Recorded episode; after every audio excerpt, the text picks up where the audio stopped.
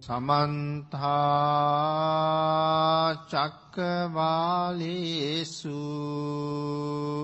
අත්‍රාගච්චන්තු දේවතා සද්ධම්මං මුනිරාජස්ස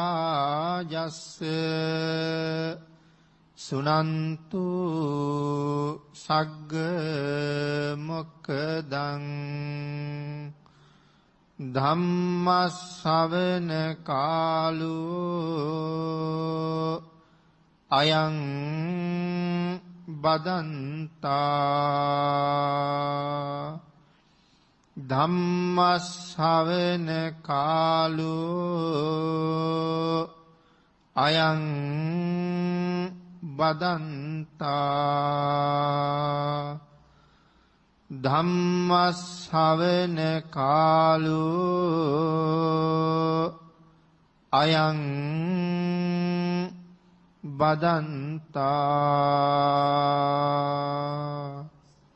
සද්ධර්ම ශ්‍රාවක කාරුණික ගුණගරුක බෞද්ධ පින්නතුනි බොහෝම ශ්‍රද්ධාවෙන් යුක්තව මේ සදහැවත් පිරිස සැදී පැහැදී සූදානම් වෙන්නේ තථාගත ශාන්තිනායක සම්මා සම්බුදුරජාණන් වහන්සේ විසින් ලෝක සත්වයන් පිළිබඳව අපරිමාණ දයාවෙන් කරුණාවෙන් මෛත්‍රියෙන් යුක්තව අවබෝධ කරගෙන දේශනා කොට වදාළ පරම ගම්බීර වූ ශ්‍රී සද්ධර්ම රත්නයෙන් අබමල් රේණුවකටත් වඩා අඩු බොහොම පුංචි කොටසක් දේශනා කරවගෙන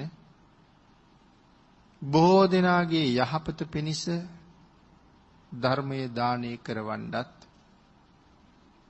එසේ දානය කරවමින් ශ්‍රවණය කරන ධර්මය ඒ අයටත් මේ අයටත් තම තමන්ගේ ජීවිතවලට එකතු කරගෙන වඩාත් නිවැරදි මෙලව ජීවිතයක් සකස් කරගන්නත් සකස් කරවන්නත් ඒ තුලින් තමන්ට සුගතිගාමී ජීවිතයක් උදා කරගන්නත් ශ්‍රාවකයන්ට ඒ සුගතිය උදා කරවලා දෙන්නත් තමයි මේ සද්ධර්ම දානමය පින්කම සිදු කරන්නේ. එතකොට ධර්ම ශ්‍රවණය කිරීම මේ ශාසනයේ අති උදාරතර වූ පින්කමක්. ඒ කාරණාව මේ අය දැන් හොඳට දන්නවා.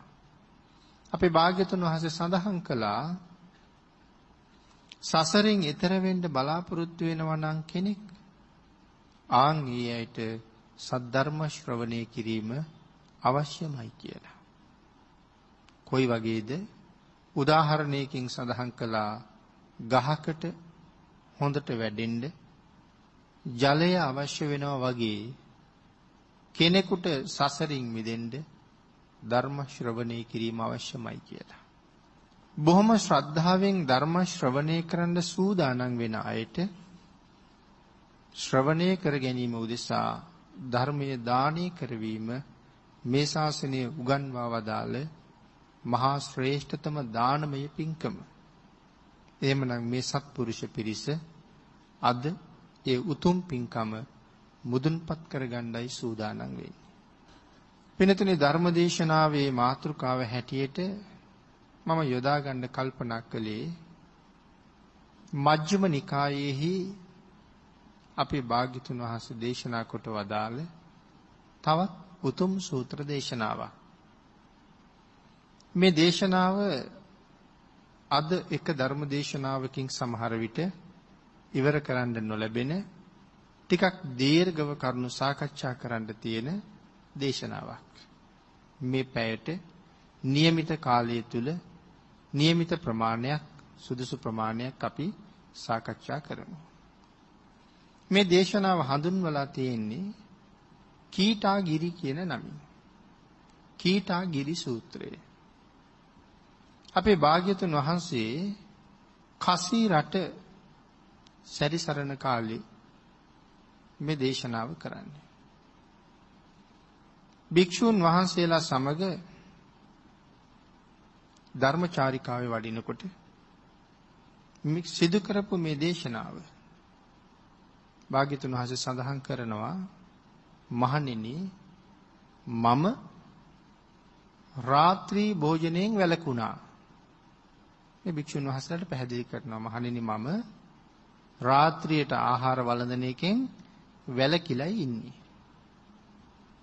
රාත්‍රී ආහාර වළඳන එකෙන් වැළකුණ මට ආන්ගේ වැළකීම නිසා ආනිසංස පහක් තියෙනවා. මොකක්ද ඒ ආනිසංස පහ සඳහන් කරනවා නිදුක් බව. රාත්‍රී ආහාරයෙන් වැළකීච්ච නිසා මට නිදුක් බවක් තියෙනවා. නිරෝගී භාවය මට හොඳ නිරෝගී බවක් තියෙනවා. ඒ වගේම ශරීරයාගේ හොඳ සැහැල්ලු බවක් මට තියෙනවා. ඊළඟට සඳහන් කරනවා මට හොඳ කාය බලයක් තියෙනවා. තවත් සඳහන් කරනවා පස්වෙනි කාරණාව හැටියට සැපසේ වාසය කරනවා. රාත්‍රී ආහාරයෙන් වැළකීච්ච හින්දා නිදුක් බව, නිරෝගී බව, ශරීරයාගේ සැහැල්ලු භාවය, කාය බලය සහ සැපසේ වාසය කිරීම. මේ මේ ආනිසංස පහ මම භුක්ති විඳිනවා.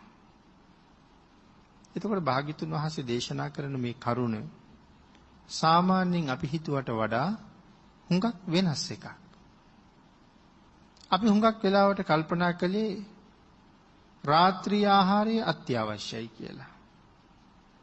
අම්මලා දරුවන්ටත් කීවේ උදේට දවල්ට ගන්න ආහාරය එහි මෙහි දඟලලා දුවල පැනලා නිකම්ම ෂේ වෙලා යනවා. රැයට ගන්න ආහාරයක් තමයි හොඳට ඇඟට අල්ලන්නේ. ඒ හින්දා රාත්‍රියේට මොනවා හරි කාලම නිදා ගන්න ඕනේ කියලා අම්මලා හැම වෙලාවෙම අපිට උපදෙස් දුන්නා. අදත් අපි අපේ දරුවන්ටත් දෙන උපදේශය ඒකමයි. නමුත් භාග්‍යතුන් වහන්සේ දේශනා කරන්නේ ඊට වඩා හාත්පසින්ම විරුද්ධ කාරණාවක්. රාත්‍රී භෝජනයෙන් වැළකීච්චාම ආනිසංස පහක් හම්බ වෙනවා. දැන් අපි නම් හිතාගෙන හිටියේ රාත්‍රී භෝජනයේ වළඳහම හොඳ කායික බලයක් ලැබෙයි කියලා කායික ශක්තියක්. නමුත් භාග්‍යතුන් වහන්සේ දේශනා කරලා තියෙන්නේ නෑ රාත්‍රී ආහාරය වර්ජනය කරාමයි කායික බලය වැඩි වෙන්නේ.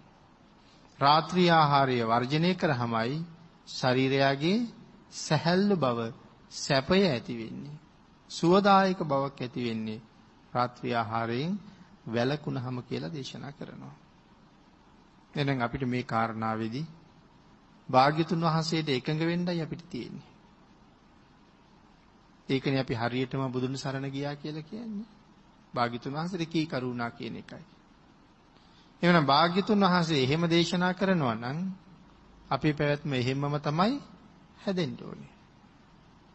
අපි මේ කාරණාව භාග්‍යතුන් වහන්සේ කාටද දේශනා කරන්නේ? පන්සිල් වලින් ඉහළ ඉන්න අයට.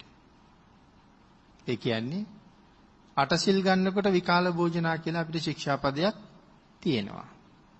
පන්සිල් වල එහෙම ශික්ෂාපදයක් නැහැ. හැබැයි අටසිල් වලින් එහාට උපසම්පදා සීලයේ දක්වා මේ ශික්ෂාපදය තියෙනවා. එතකොට ඒකෙන් සඳහන් කරන්නේ පන්සිල් වලින් ඉහළ අයට ඉහළ ඉන්න අයට විතරද රාත්‍රී භෝජනයෙන් වැළකුණොත් මේ ආනිසංස පහ ලැබෙන්නේ? නෑ අපි ඔක්කොටම ලැබෙනවා. අපිටත් එහෙම ඉන්න පුළුවන් නම් අපිටත් ඒක හරි හොඳයි. නිරෝගී බවටත් බොහෝම හොඳයි කියලා තමයි භාග්‍යතුන් වහන්සේ පැහැදිලි කරන්නේ. එතකොට මේ භික්ෂූන් වහන්සේලා ඇයි රාත්‍රියට ආහාර ගන්නෙ නැත්තේ කියන කාරණාවට සමාජය නොඑක් දේවල් කියනවා. රැයට පින්ඩ පාතේ වඩින්න බැරි හින්දා කියනවා. සමහර වෙලාවට සමහර තැන්වල ඉන්නකොට මේ විසි කරපු ඉඳුල් වතුර ඇඟට වැටිච්ච නිසා කියනවා.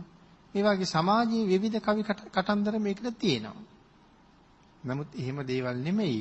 භාග්‍යතුන් වහන්සේගේ මේ මේ උතුම් දේශනාව තමයි ඒකට හේතු වෙලා තියෙන්නේ. ඊළඟට භාග්‍යතුන් වහන්සේ සඳහන් කරනවා මහණෙනි ඔබත් රාත්‍රී භෝජනයෙන් වළකින්න. එසේ වැළකුණ ඔබටත් මෙන්න මේ ආනිසංස පහ ලැබෙනවා. මම ආනිසංස පහක් භුක්ති විඳිනවා. ඒකට බාණ්ඩක භාග්‍යතුන් වහන්සේ මොන තරම්නම් අනුකම්පා සහගතද කියලා. රාත්‍රී භෝජනයෙන් භාග්‍යතුන් වහන්සේ වැළකීලා ඒ ආනිසංස පහ භාග්‍යතුන් වහන්සේ භුක්ති විඳ විඳ ඒ උතුම් සුවය ලබනද අපිටත් අනුශාසනා කරනවා. සාමාන්‍යයෙන් අපේ ස්වභාවයට වඩා කොයිතරම් වෙනස්ද? අපි සමහර වෙලාවට අපි මෙහෙම කියමු. අපේ ගෙදර තියෙනවා කොස් ගස් දෙකක්. ඒකේ එක ගහක ගෙඩි හරීම රසයි. අනික් ගහක ගෙඩි එච්චර එච්චරම රස නැහැ. දැන් කවුරු හරි කොස් ගෙඩියක් ඉල්ලගෙන ආවොත් හිතන්නකෝ අපි දෙන්නේ මොන ගහේ කොස්ද කියලා. රස ගහේ කොස් ටික අපිට තියාගන්නවා. අනික් අයට අර ගහෙන් දෙනවා. ඒගොල්ලෝ ඒක දන්නේ නැහැ නේ. ඒගොල්ලෝ හිතන්නේ හරි හොඳ මිනිස්සුයෝ. ලෝභ නැතුව ඉල්ලපු ගමන් කොස් ගෙඩියක් දුන්නා.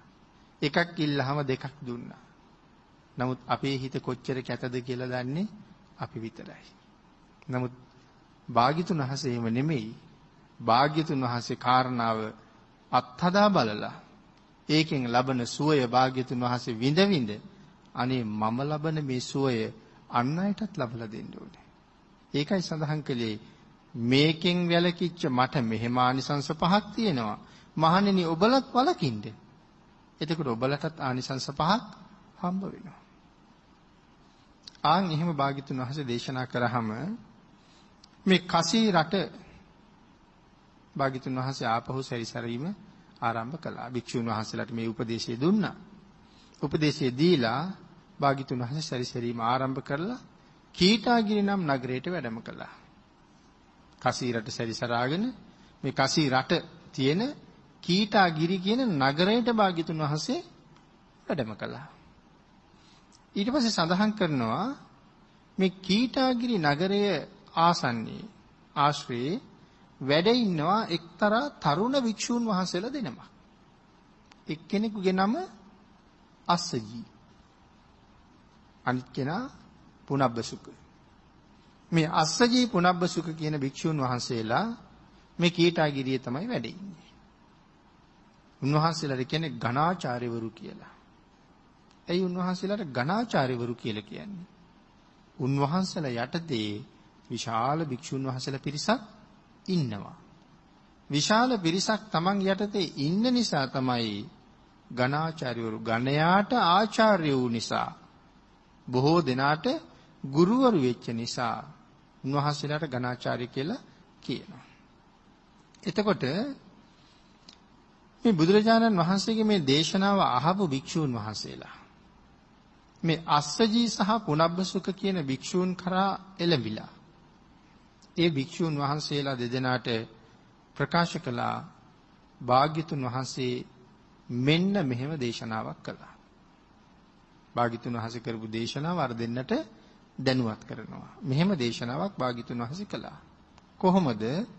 රාත්‍රී භෝජනය අතහැරිය මට රාත්‍රී භෝජනය අතහැරපු නිසා ආනිසංස පහක් ලැබුණා. මහණෙනි ඔබලාත් රාත්‍රී භෝජනයෙන් වළකින්න. එතකොට ඔබලාටත් ආනිසංස පහක් ලැබෙයි. ඒ ආනිසංස පහ ලැබෙනවා. භාග්‍යතුන් වහන්සේ මෙන්න මෙහෙම දේශනාවක් කළා කියලා අර හාමුදුරුවෝ ගිහිල්ලා අස්සජී සහ පුනබ්බසුක කියන භික්ෂුන් වහන්සේලාට සඳහන් කරනවා.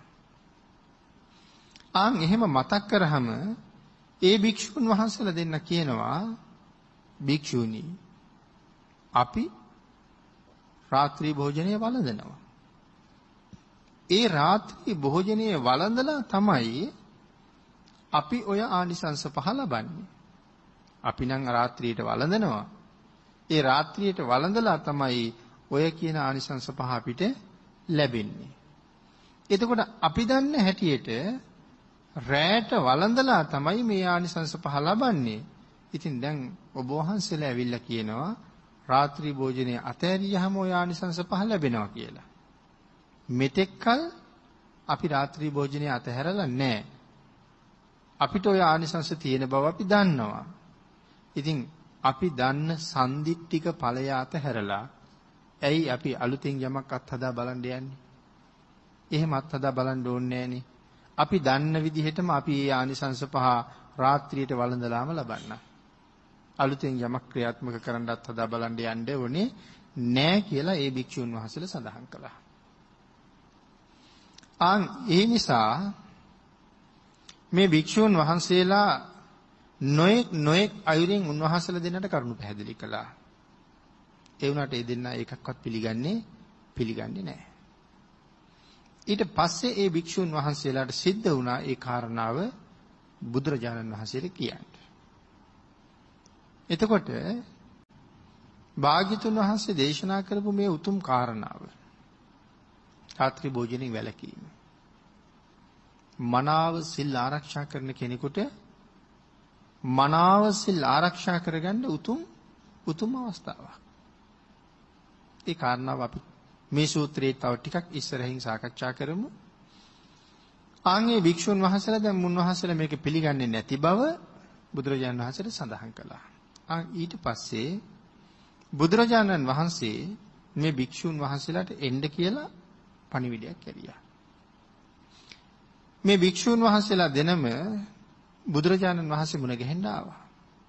ඇවිල්ලා භාග්‍යතුන් වහන්සේ ළඟට ගිහිල්ලා බුදුරජාණන් වහන්සේට වන්දනා කරලා එකත් පසක වාඩි වුණා. එකත් පසක වාඩි වුණාට පස්සේ බුදුරජාණන් වහන්සේ මේ භික්ෂුන් වහන්සේලාගෙන් අහනවා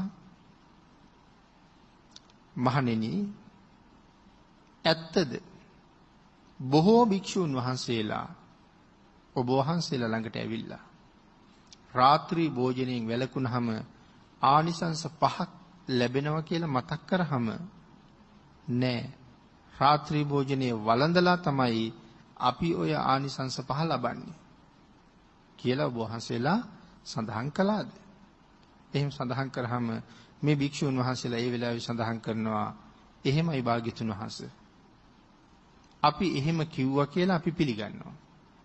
ඒ භික්ෂුන් වහන්සේලාට අපි කිව්වා නෑ අපි රාත්‍රියට වළඳලා යානිසංස ලබන්නේ. අපි එහෙම උන්වහන්සේලාට කීව බව අපි පිළිගන්නවා. ඊළඟට බුදුරජාණන් වහන්සේ ඒ වෙලාවේ අහනවා භාග්‍යතුන් වහන්සේ නැවතත් විමසනවා මහණෙනි මා දේශනා කළ ධර්මය ඔබලා අහලා තියෙන්නේ මේ විදිහටද කියලා. කොහොමද ඒ වෙලාවේ භාග්‍යතුන් වහන්සේ භාග්‍යතුන් වහන්සේ ගාව උන්වහන්සේලා පිළිගත්තා ඒ භික්ෂුන් වහන්සේලා අතින් අපි එහෙම කිව්ව බව අපි පිළිගන්නවා බුදුරජාණන් වහන්සේ අහනවා මහණෙනි මා එහෙම දේශනා කළ ධර්මය නුඹලා අහලා තියෙන්නේ මේ විදිහටද යම් කිසි පුද්ගලයෙක් සැප හෝ දුක හෝ උපේක්ඛාව හෝ වින්දොත් අකුසල් අඩු වෙලා කුසල් වැඩි වෙනවා. ඕනෑම දෙයක් වින්දොත් එහෙම වෙනවද? භික්ෂුන් වහන්සේලගෙන් ප්‍රශ්නයක් අහනවා. මහණෙනි මම දේශනා කරලා තියෙන්නේ මෙහෙමද? යම් කිසි පුද්ගලයෙක් සැප හෝ දුක හෝ උපේක්ඛාව හෝ බින්දොත් අකුසල් අඩු වෙලා කුසල් වැඩි වෙනවා කියලා මම දේශනා කරලා තියෙනවද? ඊළඟට සඳහන් කරනවා මම දේශනා කරලා තියෙන්නේ එහෙමද?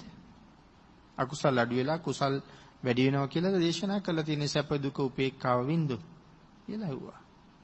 එහෙම නැත්තම් නුඹලා අහලා තියෙන්නේ එහෙමද? මම දේශනා කරලා තියෙන්නේ එහෙමද? ඔබලා අහලා තියෙන්නේ එහෙමද? ඊළඟට සඳහන් කරනවා සමහර සැප වේදනා වින්දහම කුසල් වැඩි වෙනවා සමහර සැප වේදනා වින්දහම අකුසල් වැඩි වෙනවා සමහර දුක් වේදනා වින්දහම කුසල් වැඩි වෙනවා. සමහර දුක් වේදනා වින්දහම අකුසල් වැඩි වෙනවා. සමහර උපේක්ඛා වේදනා වින්දහම කුසල් වැඩි වෙනවා. සමහර උපේක්ඛා වේදනා වින්දහම අකුසල් වැඩි වෙනවා කියලාද මම දේශනා කරලා තියෙන්නේ. එහෙම අහපුවාම මේ භික්ෂුන් වහන්සේලා සඳහන් කරනවා එසේය ස්වාමීනි හැම දුකක්ම වින්දහම අකුසල් පිරිහිලා කුසල් වැඩෙනවා කියලා එකක් නැහැ. හැම දුකක්ම වින්දහම අකුසල් පිරිහෙනවා. හැබැයි දුක් විඳ හින්දා කුසල් වැඩෙනවා. එහෙම එකක් මේ ලෝකේ නෑ කියලා උන්වහන්සේලා සඳහන් කරනවා. ඉන් පසුව බුදුරජාණන් වහන්සේ දේශනා කරනවා මහණෙනි මේ වාගේ සැප වේදනා වින්දහම යම් පුද්ගලයෙකුට අකුසල් දහම් පිරිහිලා කුසල් වැඩෙනවා කියලා.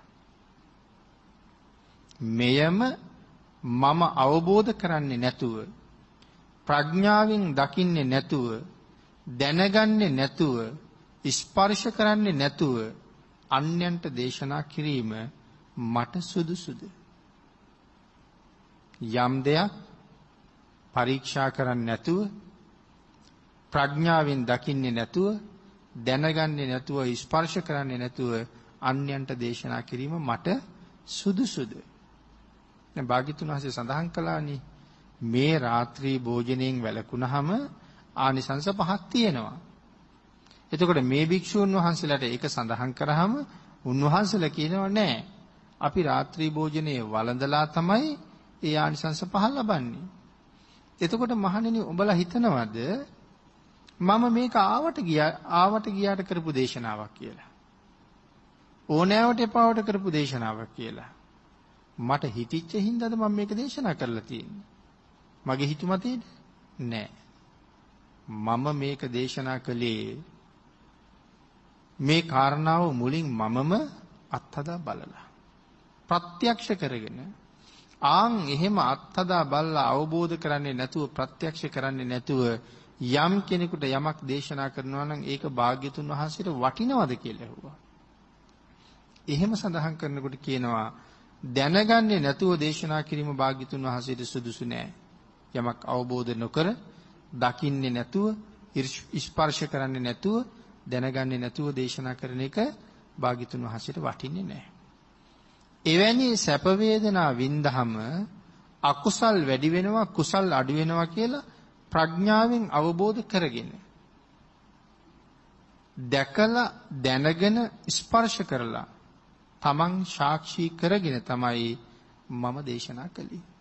මම මේක දේශනා කරන්නේ දැකලා දැනගෙන අවබෝධ කරලා කාරණාව ස්පර්ශ කරලා තමයි මන් තව කෙනෙකුට දේශනා කරනවා නම් දේශනා කරන්නේ කාවද මම සාක්ෂි තනතුරේ තියාගෙන.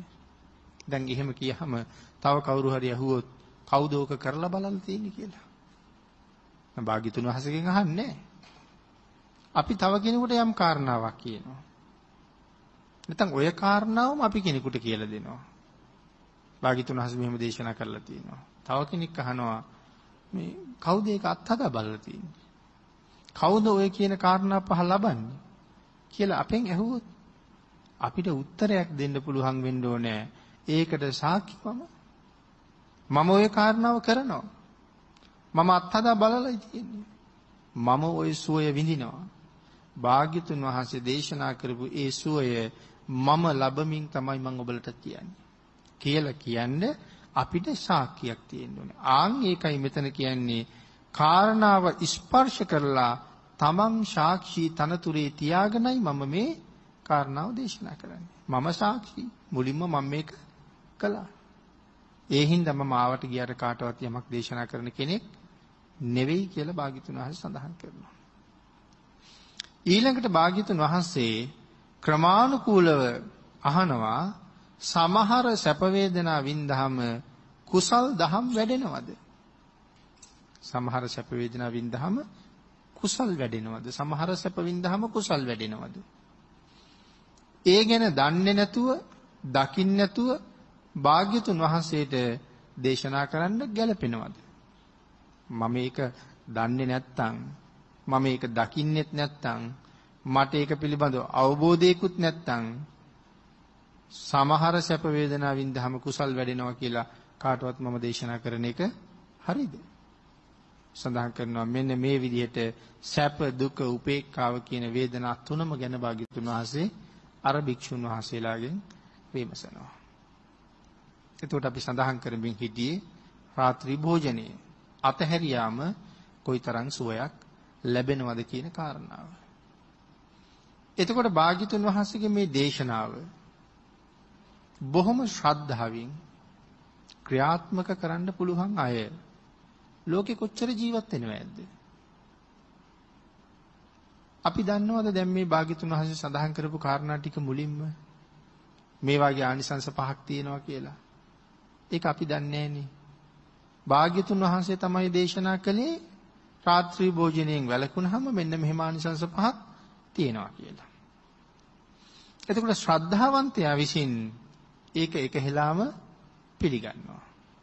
භාග්‍යතුන් වහන්සේ දේශනා කළා නම් නෑ නෑ ඕක මාත් කරලා බලලයි මම පිළිගන්නේ කියලා කියනවද කවුරුවත්? ශ්‍රද්ධාවන්තයා එහෙම කරන්නේ නෑ. මේ ශාස්ත්‍රයේ තියෙනවා විශේෂ කාරණා හතරක්. හැබැයි ශ්‍රද්ධාවන්තයෙක් ගාව තියෙන උතුම් කාරණා හතරක්. මොනවද ඒ උතුම් කාරණා හතර? භාග්‍යතුන් වහන්සේ ශාස්ත්‍රු. උන්වහන්සේ තමයි ශාස්ත්‍රවරයා. මම ශ්‍රාවකයා. භාග්‍යතුන් වහන්සේ දන්නාසේක. මම නොදනිමි. ඔය කාරණා හතර හැබැයි බෞද්ධයෙක් ළඟ තිබිය යුතු උතුම්ම කාරණා හතරක්. සැබෑ බෞද්ධයෙක් වෙන්න මේ කාරණා හතර මත පිහිටන්න ඕනේ. ආන් එයාට තමයි කවදාවත් බුද්ධ රතනේ සැක නැත්තේ. කවදාවත් ධම්ම රතනේ සැක නැත්තේ. කවදාවත් ආර්ය මහා සංඝයා සැක සැක නැත්තේ. ඇයි මම ශිෂ්‍යයාමයි. භාග්‍යතුන් වහන්සේ ශාස්ත්‍රවරයාමයි. අපි නෙමෙයි දන්නේ. උන්වහන්සේම දන්නාසේක. අපි නොදන්නවාමයි. අපිට කවදාවත් යන්න පුළුවන් ද භාග්‍යතුන් වහන්සේගේ අවබෝධය ගාවට. අපිට කවදාවත් ළඟා වෙන්න පුළුවන් ද භාග්‍යතුන් වහන්සේගේ හැකියාව ගාවට. ඒක වෙන්න එහෙමනම් අපිටත් බුදු වෙන්න වෙනවා. එයින් මෙහා ඉඳගෙන නම් කවදාවත් එතෙන්ට යන්න වෙන්නේ යන්න වෙන්නේ නැහැ. සරියුත් මහරහතන් වහන්සේටවත් භාග්‍යතුන් වහන්සේගේ ඥාන සාගරය දිහා බලලා ඉවර කරන්න ඉවර කරන්න බෑ. ඒ තරම් භාග්‍යතුන් වහන්සේගේ ඥාන සාගරය විශාලයි. මේ විශ්ව ධාතුවේ අහවල් කාරණාව දන්නේ නැහැ. අහවල් එක දකින්නේ නැහැ. අහවල් දේ පේන්නේ නැහැ. එහෙම දෙයක් තියෙනවද බුදුරජාණන් වහන්සේට? එහෙම දෙයක් නම් ඇත්තේම නැහැ. මොකක්ද භාග්‍යතුන් වහන්සේගෙන් අපි අහන්නේ? ස්වාමීනි මේ වැලියට කොහොමද කියලා ඇහුවොත් ඒ පිළිබඳව කියන්න තියෙන සියලුම කාරණා ටික භාග්‍යතුන් වහන්සේ වලෙම එවලෙම දේශනා කරනවා. ස්වාමීනි මේ සක්වලේ නෙමෙයි අහවල් සක්වලේ අහවල් සක්වලේ මේ මේ වාගේ දේවල් කොහොමද කියලා ඇහුවොත් අහපු ගමම්ම අහපු ගමම්ම කියනවා. අර අනාවරණ ඥානය විස්තර කරන තැන සඳහන් කරනවා. තුනුරුවන්ට දන් දුන්න කෙනෙක් බුද්ධ රතනයේට විශේෂයෙන් සංඝ රතනයේට දන් දුන්න කෙනෙක් මේ ලෝකේ කවදාවත් දුප්පත් නැහැ කියලා. ඒ කියන්නේ අපි දන් දෙනවා වගේ දීලාද? නෑ අපි දන් දෙනවා වගේ දීලා නෙමෙයි. ඉතුරු නැතුව ඔක්කොම එහෙම් පිටින්ම දීලා. හැඳි වත ඇරෙන්න අනික් ඔක්කොම දීලා. දැන් ඒතකොට මේ මනුස්සයාට මොකවත් නෑනේ. ඉන්න ගේ හිටන් දීලා. දැන් අහන ප්‍රශ්නේ තමයි ඔහු දැන් දුප්පත්ද? ඉන්න ගෙයක් නෑ, යන්න වාහනයක් නෑ, අඳින්න වෙන ඇඳුමක් නෑ, වවන්න ඉඩමක් නෑ, කණ්ඩ දෙයක් නෑ. දැන් දුප්පත්ද? එහෙම් පිටින්ම මේ ශාසනයට දන් දුන්නත් ඔහු දුප්පත් නෑ කියලා. ආන් ඒ කාරණාව දකින්ද භාග්‍යතුන් වහන්සේට ගත වෙන කාලය කොච්චරද? ප්‍රාස්වාස කරපු වාතය ආස්වාස කරන්න කලින් භාග්‍යතුන් වහන්සේ සියලුම සත්වයන්ගේ සියලුම සිත් දකිනවා. සියලු සත්වයන්ගේ සියලු සිත් දකිනවා. ඒ සියලු සිත් දකිනවා කියලා කියන්නේ මම මේ වෙලාවේ කල්පනා කරන්නේ තව එකක් ගැන. නමුත් මං කල්පනා කරන එකම නෙමෙයි අනික් කෙනා කල්පනා කරන්නේ. එයා කල්පනා කරන්නේ තව එකක් නේ. 1000ක් දෙනෙක් එතන හිටියොත් සිතුවිලි 1000ක් නේ. එතකොට සියලු සත්වයන්ගේ සියලු සිත් දකින්නවා කියලා කියන්නේ අනන්ත සක්වල අනන්ත ජීවීන්ගේ සියලු සිතුවිලි දකින්නවා කියලා කියන්නේ. අනන්ත සක්වල කියලා කියහම සීමාවක් සීමාවක් නැහැ. අපිට මේක තේරෙන්නේ නැහැ භාග්‍යතුන් වහන්සේ කවුද කියලා. අපි හිතමුකෝ මහා මොහොත ගැන. අනන්ත සක්වල අනන්ත ජීවීන් ගැන කතා කරනකොට මහා මොහොතේ ඉන්න ජීවීන් ගැන විතරක් අපිට කතා කරලා ඉවර කරන්න පුළුවන්ද? හිතා ගන්නවත් බෑ. ගමක පුංචි වැවක ඉන්න ජීවීන් ගැන ඒ ටිකත් ඔක්කොම පැත්තක තියලා එක වැසිකිලි වලක ඉන්න පණුව ගන්න අපිට හිතා ගන්නවත් බෑ.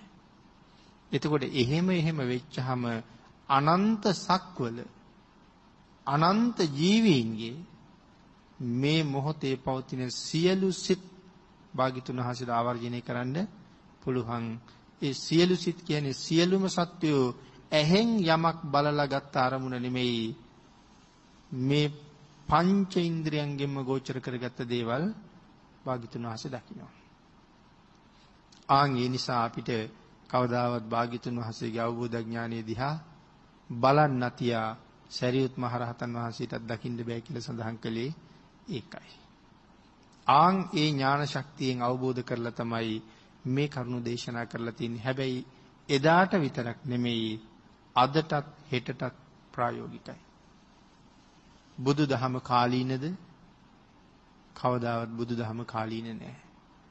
හැබැයි බුදු දහම දන්නේ නැති හුඟක් අය සමහර තැන්වල දැන්වීම් පූර්වවල දාලා තිනවා අපි දකිනවා කාලීන ධර්ම දේශනාවක් කියලා. ඒගොල්ලෝ තාම දහම ගැනවත් දන්නේ දන්නේ නැතුව තමයි ඒ දැන්වීම් පත්තිකාව දාලා තියෙන්නේ. සන්දිට්ඨිකෝ අකාලිකෝ කියලා වඳිනවා කියන කාරණාවවත් තේරුම් ගත්තනම් මං හිතන්නේ ඕක ලියනකොට මතක් වෙනවා. සාන්දෘෂ්ටිකයි. අකාලිකයි. මේ දැන් දැන් ඵල දකින්න දකින්න පුළුවන්. හැබැයි තම තමන්ගේ ප්‍රතිපත්තියෙන් තමයි මේ ඵල දකින්න දකින්න වෙන්නේ. අනුන්ගේ කරේ තියෙන පළඳනාවක් අනුන්ගේ කනේ තියෙන පළඳනාවක් දිහා බලනවා වගේ නෙමෙයි. ඒක අනුන්ගේ. එහෙනම් අනුන් කියන දේ අහන්න නෙමෙයි. තමන්ම මේ ධර්මයට එන්න. එහි පස්සික එන්න. ඇවිල්ලා බලන්න. සාන්දෘෂ්ටිකයි. මේ දැම්මම මේ ජීවිතෙම්ම ප්‍රතිඵල සහිතයි. ඒ නිසා මේක එදා භාග්‍යතුන් වහන්සේත් එක්ක හැසිරිච්ච කීටාගිරියට වැඩම කළ කසීරට හැසිරිච්ච භික්ෂුන් වහන්සේලාට කරපු දේශනාවක් නෙවෙයි. එදා වැඩ හිටපු භික්ෂුන් වහන්සේලාට විතරක් කරපු දේශනාවක් නෙමෙයි. එදත් අදත් හෙටත් ඉන්න සියලුම සංඝයාට කරපු දේශනාවක්. ඒක සංඝයාට විතරක් කරපු දේශනාවක් නෙමෙයි. බණ අහන තැන ඉස්සරලාම වාඩි වෙලා ඉන්නේ භික්ෂුන් වහන්සේලා. ආන් ඒ හින්දා ළඟ ඉන්න කෙනාටනේ කතා කරන්නේ. මහණෙනි කියලා හැම දේශනාවක්ම පටන් අරන් තියෙනවා. ඒ කියන්නේ ගිහි අයට කතා නොකළ හැම නෙමෙයි. සියලු දෙනාටමයි මේ දේශනාව කරන්නේ. යම් කෙනෙක් ගිහි කෙනෙක් නමුත් ක්‍රියාත්මක කරන්න උත්සාහ කරනවා නම් මේ ආනිසංස පහ යාටත් හොඳටම ලැබෙනවා. බොහෝම ශ්‍රද්ධාවන්තයෝ අදත් ඉන්නවා කීටගිරි සූත්‍රය අහලා රාත්‍රී භෝජනය අතහැරපු අය. ඒ වුණාට සමහර වෙලාවට අපි අපිට කොයි තරම් වංචා කරගන්නවද? අපි උදේ ගිහිල්ලා සිල් ගන්නවා. හැන්දෑව වෙනකොට කොහොම හරි ගෙදර යන්න උවමනාවක් අපිට තියෙනවා. අපි ඒකට හේතු කීයක් හදනවද? ආන්ගේ හේතු අතර නිදහස් වෙන්න කාරණාවක් තියෙනවා. බෙහෙත් පාවිච්චි කරන්න තියෙන නිසා යන්න ඕනේ. බෙහෙත් බොන නිසා රැට ආහාර නොගෙන ඉන්න බෑ. මේ කරුණ අපි හදා ගන්නවා එහෙම. අපි දන්නේ අපි අපිට මාත්ම වංචාව කරගන්නවා කියලා. කවුරුවත් සංසාරයට බය බවක් පේන්නේ නැහැ. 24 පැයක් සිල් ආරක්ෂා කරගත්තොත් මොනතරම් මහත්ඵලද කියන කාරණාව භාග්‍යතුන් වහන්සේ වෙනම වෙනම දේශනා කරලා තියෙනවා. විශාක උපෝසත වාගේ සූත්‍රවල කොහොමත් අර්ධ උපෝසතයක් පිළිබඳව මේ ශාසනය කතා කරන්නේත් නැහෙනේ. පූර්ණ උපෝසතයක් ගැන තමයි ශාසනය කතා කරන්නේ. උදේ ලැහැත්ති වෙලා ඇවිල්ලා මං හවස 4 5 වෙනකොට එන්නම් කියලා පොරොන්දු වුණොත් එතන අර්ධෝපෝසතයක්වත් නැහැ. අර්ධෝපෝසතයක් වැඩෙන්නේ හෙට එළි වෙනකම්ම නැත්තම් පැය 24ම සිල් ගන්නවා. එහෙම කියලා තමයි ගෙදරින් ආවේ. ඒ සූදානමින්ම මම ඉන්නවා. රාත්‍රිය වෙනකොට මට හදිස්සියේ ගෙදරින් පණිවිඩයක් එනවා. එක්ක අම්මා නැති වුණා. නැත්තම් දරුවට ඊටාම අසාධ්‍යයි. එහෙම නැත්නම් මට හොඳටම අසනීපයි. ආන් එහෙම තත්යකට මුහුණ පාලා ඉන්නම බැරි වුණොත් සිල් පවාරණය කරලා ගියොත් එයාට අර්ධපෝසතයක් තියෙනවා. මොකද උදේ ආවේ හවස එන්නම් කියලා නෙමෙයිනේ. උදේ ආවේ මං හෙට උදේ එන්නම් කියලා. හදිසියේ තමයි යන්න යෙදුනේ. එහෙම වුණොත් අර්ධපෝසතයක් තියෙනවා.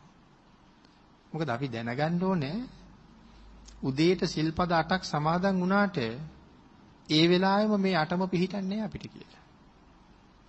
මේ මේ කතා කරන ශික්ෂාපදේ පිළිහිටන්නේ මධ්‍යාහණයෙන් පස්සේ. මොකක්ද මේ ශික්ෂාපදේ? විකාල භෝජන. උදේ 6ට සිල් ගන්නවා. 6ට සිල් අරගෙන සිල් සමාදන් වෙලා ඉවර වෙච්ච තැන ඉඳලා 6යි කාලට ගිමුකෝ. 6යි කාලේ ඉඳලා මධ්‍යාහනේ වෙනකන් ඉවරයක් නැතුව කෑම කෑවත් මේ ශික්ෂාපදේ කැඩෙනවද? ඒත් කැඩෙන්නේ නැහැ. එහෙනම් මේක කැඩෙන්න පටන් ගන්නෙ මධ්‍යාහනේ පහ වුණාම.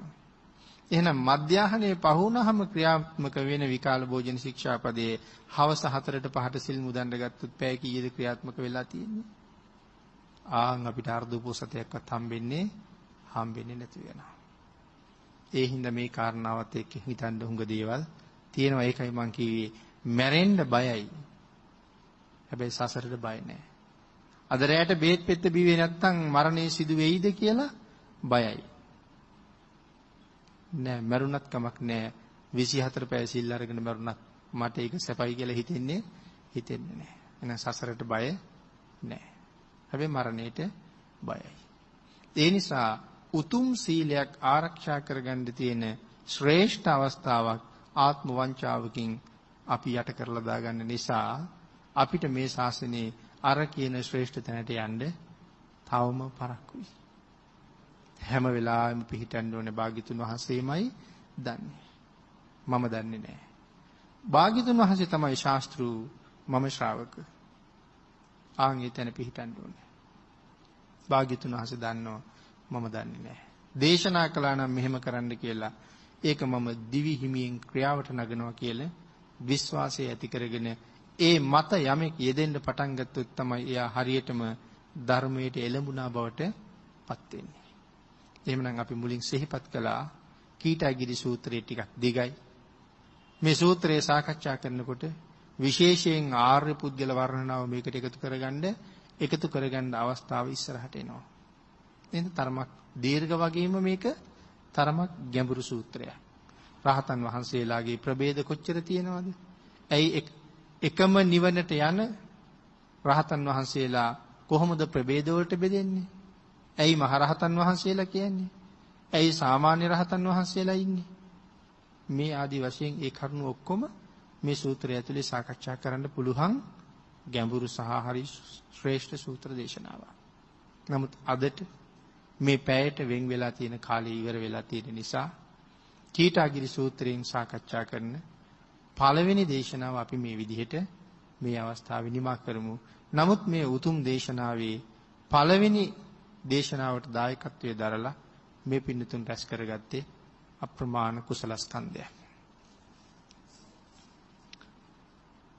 භාග්‍යතුන් වහන්සේට කීකරු වෙලා උතුම් වූ ධර්ම මාර්ගයට අවතීර්ණ වෙන්න බලාපොරොත්තු වෙන අයට තවත් ශ්‍රේෂ්ඨ දේශනාවක් වෙච්ච කීටාගිරි සූත්‍රයේ මුල් දේශනාව ධර්ම ශ්‍රවණයට කැමති සියලු දෙනා වෙනුවෙන් දානය කරන්න අද ධර්ම දේශනාවේ ප්‍රධාන දායකත්වයේ දරන්නේ ඇමරිකාවේ පදිංචි කේ.ඒ. ලලිත් දේවප්‍රිය මහත්මයා එතුමාගේ ඔක්තෝබර් 14 වන දින උපන් දිනයේ නිමිත්තෙන් මේ දේශනාව සිදු කරනු ලබනවා ඊට අමතරව කේ.ඒ.